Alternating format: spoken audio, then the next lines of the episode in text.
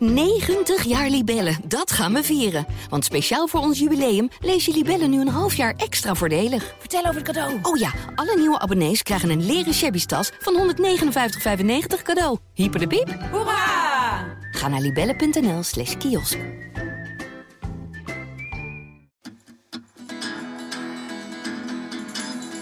Welkom bij Culturele Bagage, de wekelijkse cultuur- en tijdsgeestpodcast van de Volkskrant. Mijn naam is Esma Linneman.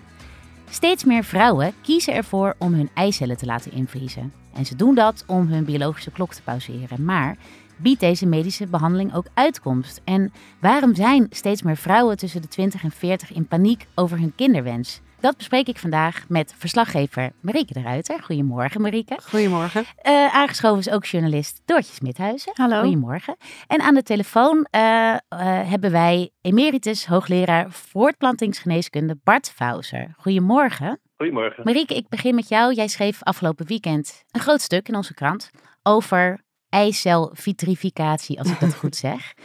dat is het, het medische, de medische term voor een behandeling waarbij eicellen van vrouwen uh, in de vruchtbare leeftijd worden ingevroren. En die behandeling wordt ook wel eens social freezing genoemd. Nou, wat, wat is die behandeling en welke vrouwen ondergaan uh, deze procedure? Eigenlijk zei het al helemaal goed. Het is eicellen invriezen, dus het is een vruchtbaarheidsbehandeling voor vrouwen die eigenlijk nog vruchtbaar zijn, ja. maar al voorsorteren op het moment dat ze dat niet meer zijn. En dat kan zijn omdat ze bijvoorbeeld een ziekte hebben of een kankerbehandeling moeten ondergaan die hun vruchtbaarheid kan aantasten. En dan is het medische freezing. Ja. Maar er zijn ook vrouwen die niet zozeer een medische noodzaak hebben, maar een sociale noodzaak om dat te doen. En dat heet social freezing. En er is wel wat uh, kritiek op die term, want social freezing klinkt bijna als uh, iets leuks, iets luxueus. Maar uh, ja, inmiddels is toch wel echt bekend dat dat niet het geval is. De vrouwen die deze behandeling ondergaan, die doen dat absoluut niet voor de lol. Het is ook een zware behandeling.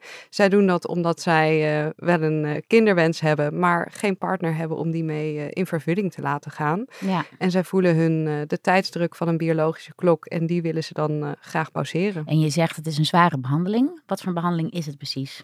Ja, het is eigenlijk het eerste deel van IVF. Dus ja. uh, uh, je begint uh, twee tot vier weken voor de behandeling met het spuiten van hormonen. Normaal gesproken maakt een vrouw per cyclus één rijpe eicelblaasje met één rijpe eicel aan. En door die hormonen te spuiten, dus dat moet je zelf doen, ontwikkelen zich er meer. en ja, eigenlijk is het een beetje het doel om zoveel mogelijk rijpe eicelletjes te, ja, te oogsten op een gegeven moment. Ja.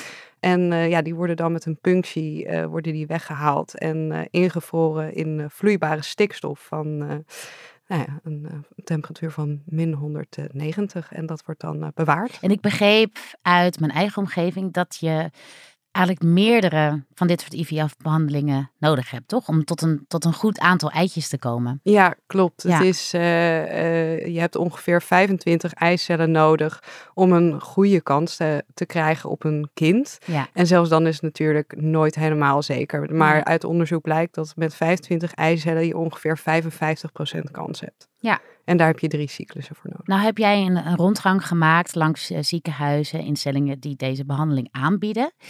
Uh, wat bleek daaruit? Ja, daar bleek uit dat inmiddels uh, 2200 vrouwen deze behandeling hebben ondergaan. En dat er dus uh, ja, bij al die ziekenhuizen bij elkaar 34.000 eicellen voor niet-medische redenen zijn ingevroren. Ja. En er bleek ook uit dat daar echt een enorme toename in zit over de laatste paar jaar. Dus Erasmus MC heeft in Rotterdam heeft de afgelopen twee jaar een verdubbeling gezien.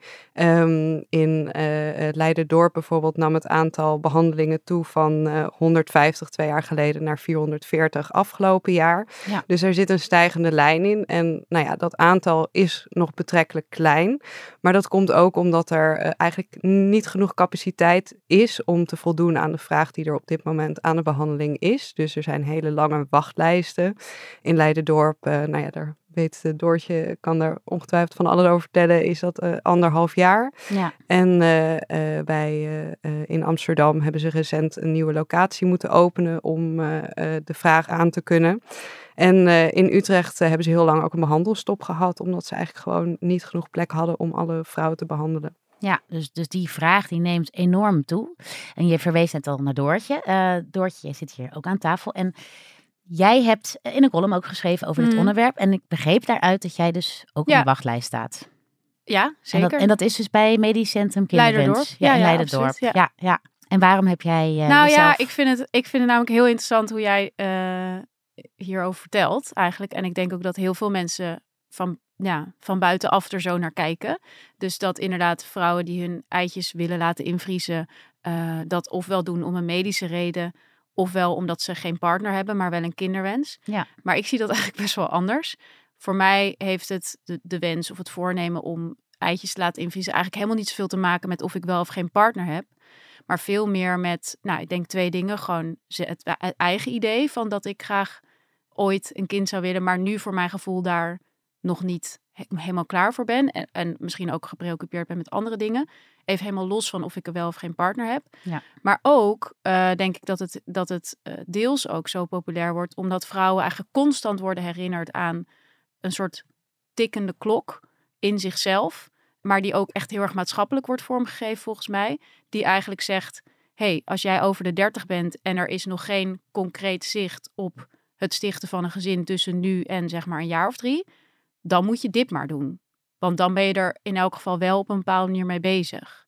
Ja. En dat is wat ik zelf ook zo dubbel vind aan dat social freezing. Dat ik me soms ook afvraag van is het iets wat mensen echt zelf willen doen of wat ze ook een beetje wordt aangepraat. Ja, ja. Nou, dat is volgens mij ook de zorg die jij hebt, Marieke. Daar gaan we het zo over hebben.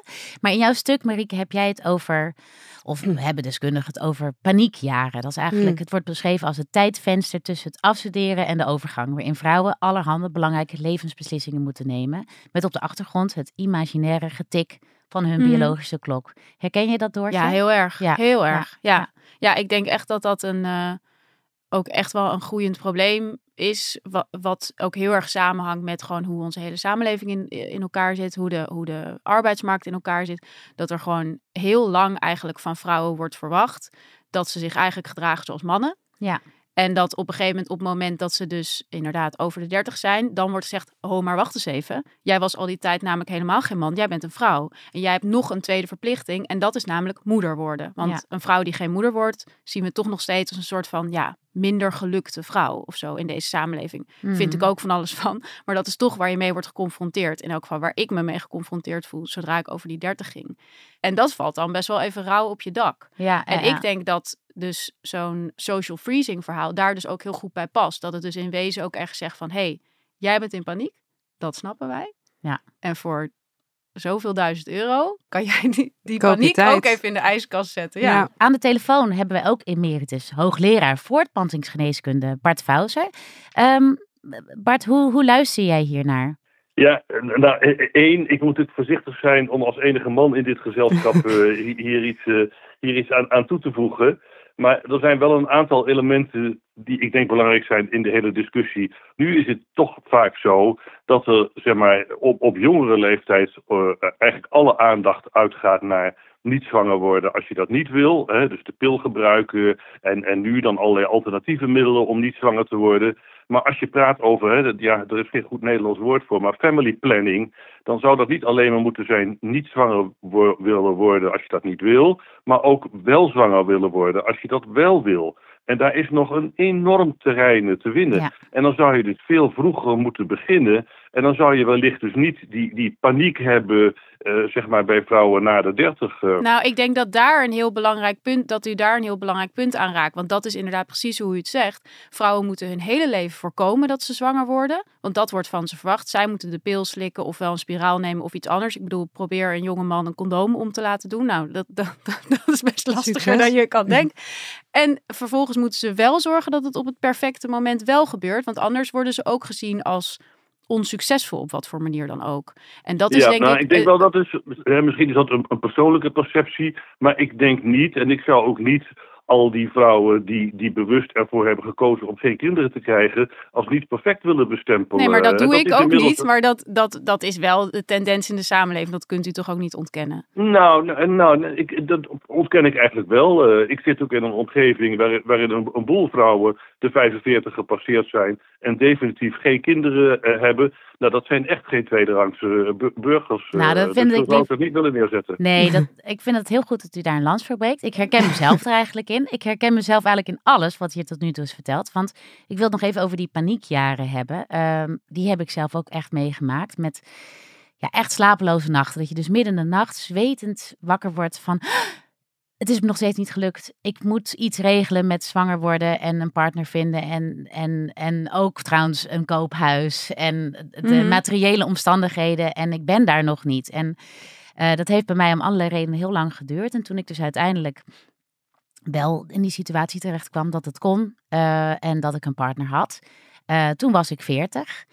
En toen eh, moest ik een IVF-traject en toen was ik eigenlijk te laat. En ik denk, Bart, dat jij dat soort vrouwen ook veel hebt gezien in jouw praktijk. Klopt dat? Ik heb ontzettend veel eh, vrouwen gezien waarvan, wa- waarvan je achteraf zegt van eh, die hebben te lang eh, gewacht. Ja. En, en nou, dat, dat, dat, dat weet je misschien nog. ik, ik heb, weet ik wel, 10, 15 jaar geleden tegen alle stroom in toen een ijscelbank opgezet. Ja. met als doel om die vrouwen te helpen. En de realiteit is wel dat als die vrouwen natuurlijk tien jaar eerder in een situatie waarin ze nog niet wisten hoe of wat hun eigen eicellen in hadden gevoeren, dan had Ja. je geen ijscelbank van anderen nodig. Dus het zou ook een aantal problemen Kunnen oplossen. hè? Ja, het Ja, had, het het had is- mijn situatie eh, kunnen helpen op dat moment. Het is denk ik allemaal gewoon zo dubbel. Want ik merk inderdaad ook als het gaat. eh, hè, van, ik hoor u nu ook zeggen van ja, die hadden dan te lang gewacht. Weet je wel? Of inderdaad ook vaak als het gaat om.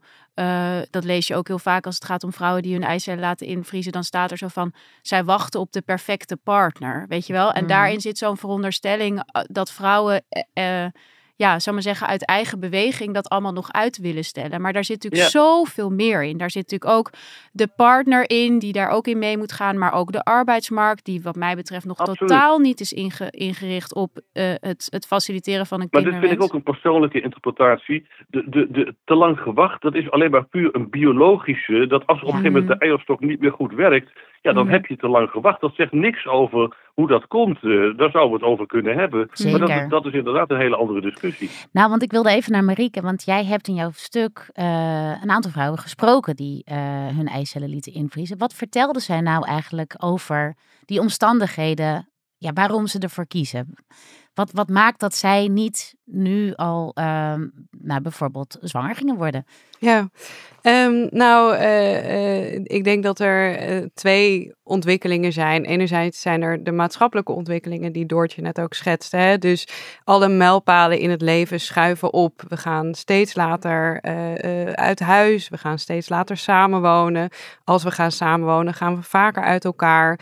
Veel latere leeftijd, het moment dat eh, mensen, de helft van de mensen een, vast contract heeft, is twee jaar opgeschoven. Dus er zijn al die mijlpalen die schuiven op. Dus Ja. eh, nou ja, het, het moment dat je voor je gevoel volwassen bent en vruchtbaar, dat, dat moment is kleiner geworden. Dus nou ja, vandaar dus ook die paniekjaren. En de andere ontwikkeling is ja, toch wat artsen vertellen en waar in Amerika ook onderzoek naar is gedaan, dat 90% van de vrouwen die bij hen aanklopt is of single of zit in een zeer instabiele relatie. Ja. En ehm, de vrouwen die ik eh, heb gesproken voor mijn verhaal, dat waren dus inderdaad, eh, nou ja, één eh, vrouw die zat, ja, die zat eigenlijk helemaal in de juiste planning, zou je kunnen zeggen. Dus die was, had haar partner leren kennen op haar 22e. Daar was ze mee getrouwd, mee over kinderen gaan nadenken.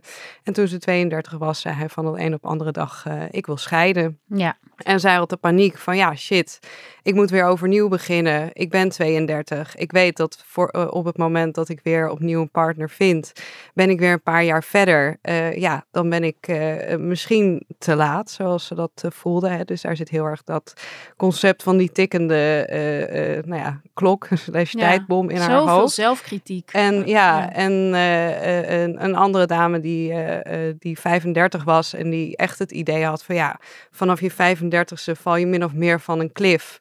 Dus uh, dat was een beetje de deadline die zij zichzelf had gesteld.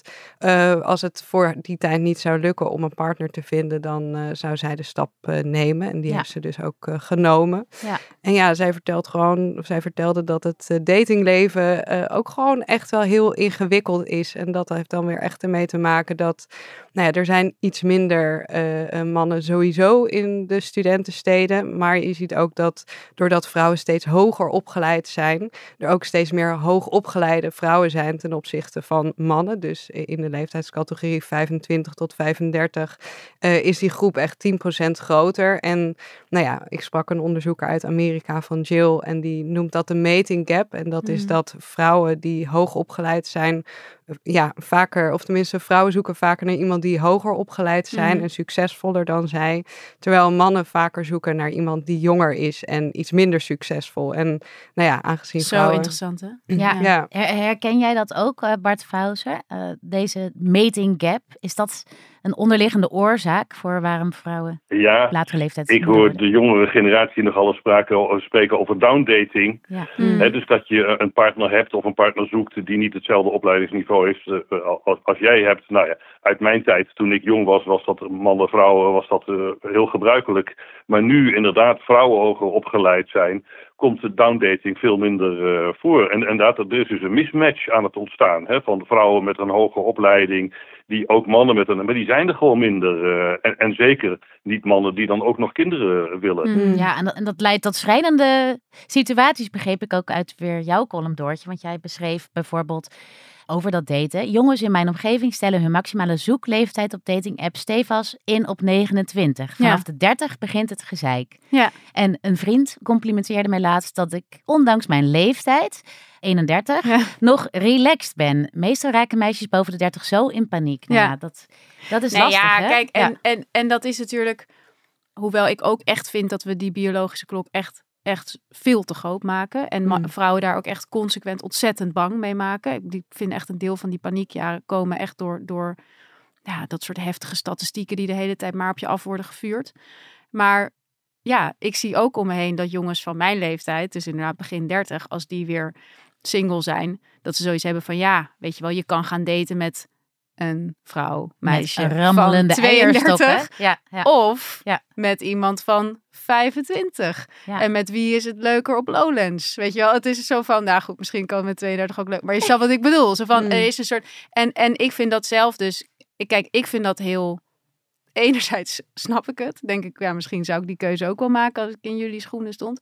Maar anderzijds is het voor mij ook wel heel illustratief bij wat ik in die column vooral probeerde aan te kaarten. Was dat ik vind dat er vooral een, um, ja, een uh, verantwoordelijkheidsgap is als het mm. gaat over voorplanting. Want voorplanting is uiteindelijk iets waar we allemaal mee van doen hebben. Mannen en vrouwen willen allemaal niet uitsterven als soort. We doen er overigens genoeg aan om wel uit te sterven. Maar goed, maar ik vind het zo raar dat dat alleen maar een onderwerp is van hmm. vrouwen. En dit is dan zo'n klein voorbeeldje van mannen, mannen hebben geen zin om te daten met iemand boven de 30, want dan moeten ze nadenken over kinderen.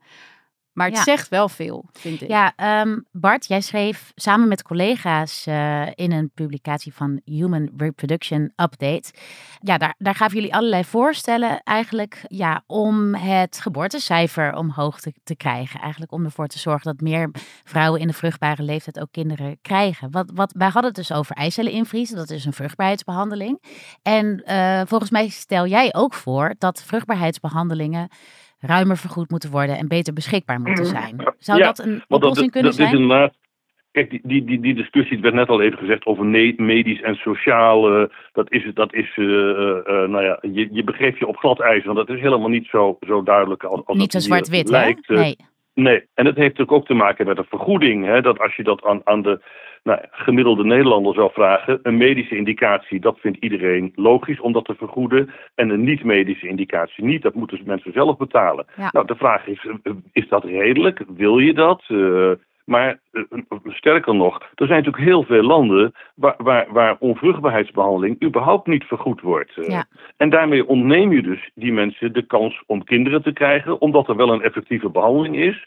Maar die, die kunnen zij niet toe. krijgen, want Ja. ze moeten er gewoon niet betalen. En wat ik, ook zo, wat ik ook zo gek vind aan dat eicellen invriezen, is dat, maar volgens mij, als je het IVF-traject ingaat met een partner, dan wordt het wel vergoed. Ja. Maar als je dus voor jezelf je eigen vruchtbaarheid, zou ik maar zeggen, als vrouw in eigen hand probeert te nemen, voor zover dat kan, wordt het niet vergoed. Ja, en in een IVF-traject wordt het natuurlijk ook vergoed als single vrouw, gelukkig, in Ja. Nederland. Ehm, maar ja, Maar je mag dus wel meteen een kind proberen te krijgen, Maar maar je mag mag, niet niet zeggen, ik wil uitstellen. het later. Marieke, wat zeiden de deskundigen in jouw stuk over eh, het vergoeden van eh eicelvitrificatie? Want dat, dat, nou ja, het zou een oplossing kunnen zijn voor vrouwen die nog niet de, de mogelijkheid hebben om Mhm. moeder te worden, nog geen partner hebben. Wat, wat zeiden zij daarover? Ja, ik denk dat het heel dubbel is. Ik heb inderdaad een gynaecoloog eh, gesproken die zich hier ook heel erg hard voor maakt. Die zegt ook van ja, waarom is een vrouw die eh, bang is om haar vruchtbaarheid te verliezen vanwege een kankerbehandeling wel medisch en een vrouw die eh, datzelfde vreest, maar bijvoorbeeld dus geen partner heeft niet.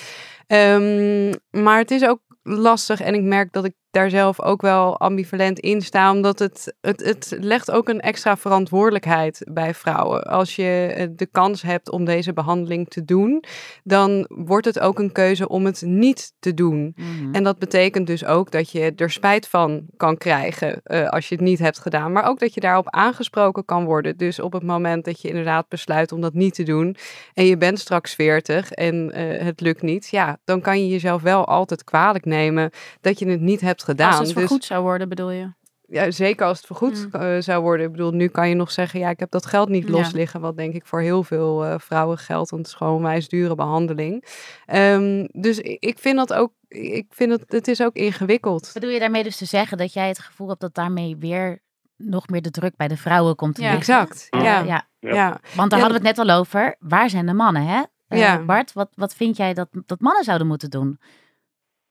Nou, ik, ik heb wel eens een, een, een aantal keren op een middelbare school bijvoorbeeld hierover voorlichting gegeven aan, aan eh, eindexamenklassen. eh, van, van, god, hebben jullie nagedacht niet alleen maar over eh, condooms en de pil, maar ook straks hè, of je kinderen wil, wel of niet.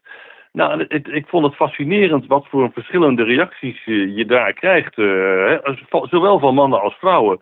Dus ik denk dat er veel, in een veel vroegere fase met zowel jongens als meisjes over gesproken moet worden. En dat ze dat bijvoorbeeld, ik weet niet of je dat hebt gezien, eh, eh, Macron in Frankrijk, eh, vorige week, die heeft voorgesteld dat hij wil dat alle 25-jarige mannen en vrouwen een soort counseling krijgen over vruchtbaarheid. En nogmaals, dat gaat niet primair over niet zwanger worden, maar over wel zwanger worden. En dat heeft volgens mij echt te maken met voorlichting en bewustwording. Maar denkt u dan dat, eh, dat Nederlandse mannen zich niet bewust zijn van hun rol daarin? Ja, en ik, ik denk ook dat dat, nou ja, dus in allerlei andere eh, gebieden ook, maar dat, dat mannen, jonge mannen gewoon meer met zichzelf bezig zijn eh, op dat moment en, en, en hun, hun, de dingen die hun plezieren. En, en, en minder nadenken over de toekomst en, en het, het gezin, kinderen. En dat is ja, misschien Ja. ook wel eh, eh, biologisch bepaald. Bio- ja. Exact, om- omdat zij er natuurlijk wat verder van afstaan, Hmm. eh, denken ze. Maar da- daar is het dus voorlichting en bewustwording. Dat het natuurlijk ook alles met hun te maken heeft en hun toekomst te maken heeft. En, en, en dat je meer, en dat heeft, nou ja, daar hebben we het nog niet over gehad, maar over zorgtaken. Dat heeft te maken met nou ja, opleiding en, en, en carrières. maar het is natuurlijk in feite moeilijk te begrijpen dat vrouwen hoger opgeleid zijn, meer carrière, harder werken, eh, geleidelijk meer geld verdienen. En dat ze toch thuis nog de meeste zorgtaken moeten doen. eh. Ja. Want dat draagt eh, misschien toch ook wel bij aan het eh, tussen haakjes uitstellen. Want het is niet zo'n bewuste Ja. keuze, maar het is wel wat, wat er gebeurt in de praktijk. Ja, Exact, exact. Du- dus veel meer focus op mannen. eh, wat hun rol zou kunnen zijn. eh, Ja. eh, hoe zij hier verantwoordelijkheid kunnen nemen. En hoe dat heeft te maken met hoe zij zich verstaan met nou ja, mensen van de andere seksen. Maar ook naar Ja. de toekomst. toe. Nou ja, want dat is het. En dat is ook, ik vind dat ook met, over dat eicellen invriezen gaat het natuurlijk ook snel over, is een soort idee dat het een soort luxe is of zo. Omdat het natuurlijk hartstikke duur is. En dat vind ik ook heel moeilijk daaraan, Hmm. weet je wel. Eh, het is ook de vraag van, ja, moet het dan voor iedereen gratis worden? Weet ik ook niet. Maar ehm, het maakt natuurlijk wel dat alleen een bepaald type vrouw eh, zich het kan eh, permitteren om, Ja. om die keuze te maken. Maar anderzijds is het natuurlijk ook een soort, bijna een soort van boete op uh, als vrouw carrière maken, Mm. zelfstandig zijn. Weet je, dat soort Ja. dingen die, die volgens Ja. mij ook heel belangrijk zijn om jezelf staande te houden in deze samenleving. Dus het zit Ja. voor mij zo'n soort, uh, zoiets wrangs aan. Ja, Ja. volgens mij is inderdaad de vraag van... zou je ook niet iets moeten doen aan eh, de, de redenen waarom zoiets eh, wordt... eh, waarom er naar zo'n behandeling wordt gegrepen, zeg maar. Er zijn Ja. werkgevers die eh eh eicellen invriezen eh, Ja. vergoeden, hè, eicel Ja. van de zaak. Maar zou je niet moeten zeggen, in plaats van dat je dat, eh, eh, dat, je dat biedt... eh, geef mensen eerder een vast contract. Of eh, inderdaad Precies. zorg dat Ja. er eh, goede woningen beschikbaar zijn, zeg maar. Het is natuurlijk feitelijk ook een beetje symptoombestrijding als je Mm. alleen maar overgaat Ja. tot het Ik kan me vergoeden nog wel herinneren van, van de stukken die ik zelf ooit eerder voor heb geschreven, dat eh, het geboortecijfer, volgens mij is dat inmiddels overigens niet meer zo, maar in Scandinavische landen wat hoger lag. Omdat daar bijvoorbeeld ook betere voorzieningen waren voor vrouwelijke studenten die zwanger werden, Ja. om maar iets te noemen. Dus ja, dat het en, niet, de- Ja. en dan krijgt toch iedereen een jaar vrij of zo, man en vrouw. ja, dat is Ja, in Duitsland op zich ook Dus zo. Ja. eh, Dat toch? soort maatregelen, eh, Ja. eh, die helpen allemaal iets. eh, Ja. Maar overal, ook, ook in Zweden, is het, zijn de effecten daarvan marginaal. Ja. En je zou gewoon toch veel eh, breder moeten kijken, inderdaad. Van, dat zijn een van die drempels, eh, werk. eh, dus ook werkgevers zouden zich daar meer van bewust moeten worden. Van wat kunnen wij doen om, om jonge mensen te motiveren Mm. om hier te blijven werken. En daarnaast eh, eh, ook een gezin eh, te stichten. En ik, ik was ook als enige man betrokken bij een discussie in de, in de Rode Hoed recent. Daar kwam dit naar voren. En er waren een aantal vrouwen die dus uit het publiek, die dus erg fel tegen eh, werkgevers die dit vergoeden waren. En tot mijn verbazing stonden er ook een heleboel vrouwen op die zeiden van nou, ik heb zo'n werkgever eh, en ik voel het helemaal niet als een dwang. eh, ik ben juist heel erg blij. Er is een erg pro-family beleid in, in, in, in het bedrijf waar ik werk. en daar is dit één van de vele maatregelen die men heeft genomen. Ja, om het Dus mensen gewoon makkelijker te maken. met, met meerdere kanten. Wat zouden we tot slot nou kunnen doen om die vrouwen goed die paniekjaren door te krijgen? Want wat hier ook werd besproken aan tafel, en ik ben benieuwd Bart wat jij daarvan vindt, is dat we eigenlijk ook in die leeftijdsfase ook echt doodgegooid worden met statistieken inderdaad die heel somberstemmend zijn. Eh, waardoor die paniek ook weer toeneemt. Ja, of is het zeker. terecht? Maar en moeten we ons ook dan in paniek eh, zijn? Ja, maar dit dit ja. is dus een, iets van, van eh, eh, overkill, eh, Ja. in- inderdaad, en, en logisch. Maar je kan ook zeggen van ja, we, zijn er in feite veel te laat eh, bij om, om hier hè, over voor te lichten en bewustwording te creëren. Ja. En, en daarom pleit ik ervoor, dat zou een, hè, in, in de biologielessen eh, op de middelbare scholen wordt gesproken over voortplanting. maar nogmaals, daar wordt alleen maar gesproken Mm. over anticonceptie eigenlijk. Ja. Dus we zouden ook de andere kant, en daarmee denk ik ga je in de toekomst paniek voorkomen als het heel eh, gemeenschappelijke kennis wordt vanaf je eind tienerjaren voor jongens en voor meisjes.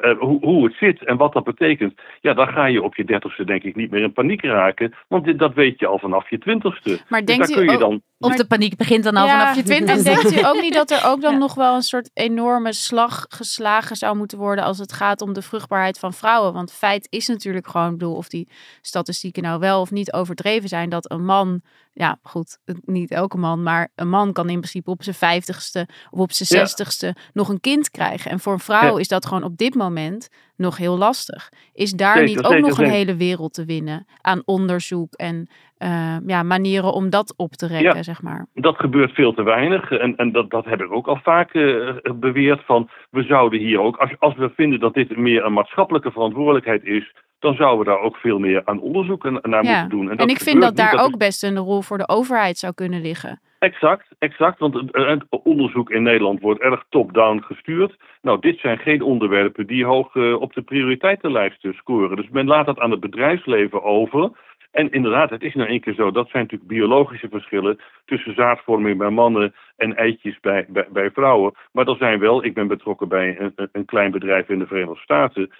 Die, zijn dus hiermee bezig. Eh, precies wat er nu gezegd wordt. Het idee is als je de, in staat bent om de overgang uit te stellen. Dan, dan betekent dat vrouwen dus langer met hun eitjes kunnen doen. Ja. En dus ook langer nog vruchtbaar zijn. eh. maar goed, dat is één klein bedrijf dat daarmee me- zich mee bezighoudt. eh. dus daar zou veel meer aandacht voor moeten komen. Ja, nou, ik hoor toch wel een hele hoop eh, oplossingen. En nu moeten ze nog worden waargemaakt, Ja, toch? dat, ja. Dank jullie wel allemaal voor jullie komst naar de studio. En dank je wel Bart Fausje aan de telefoon. Dit was Culturele Bagage. Montage wordt gedaan door Team Hageman en eindredactie door Corine van Duin, Emily van Kinschot en Julia van Alem. En wil je de Volkskrant steunen? Ga dan voor een abonnement naar www.volkskrant.nl slash podcastactie.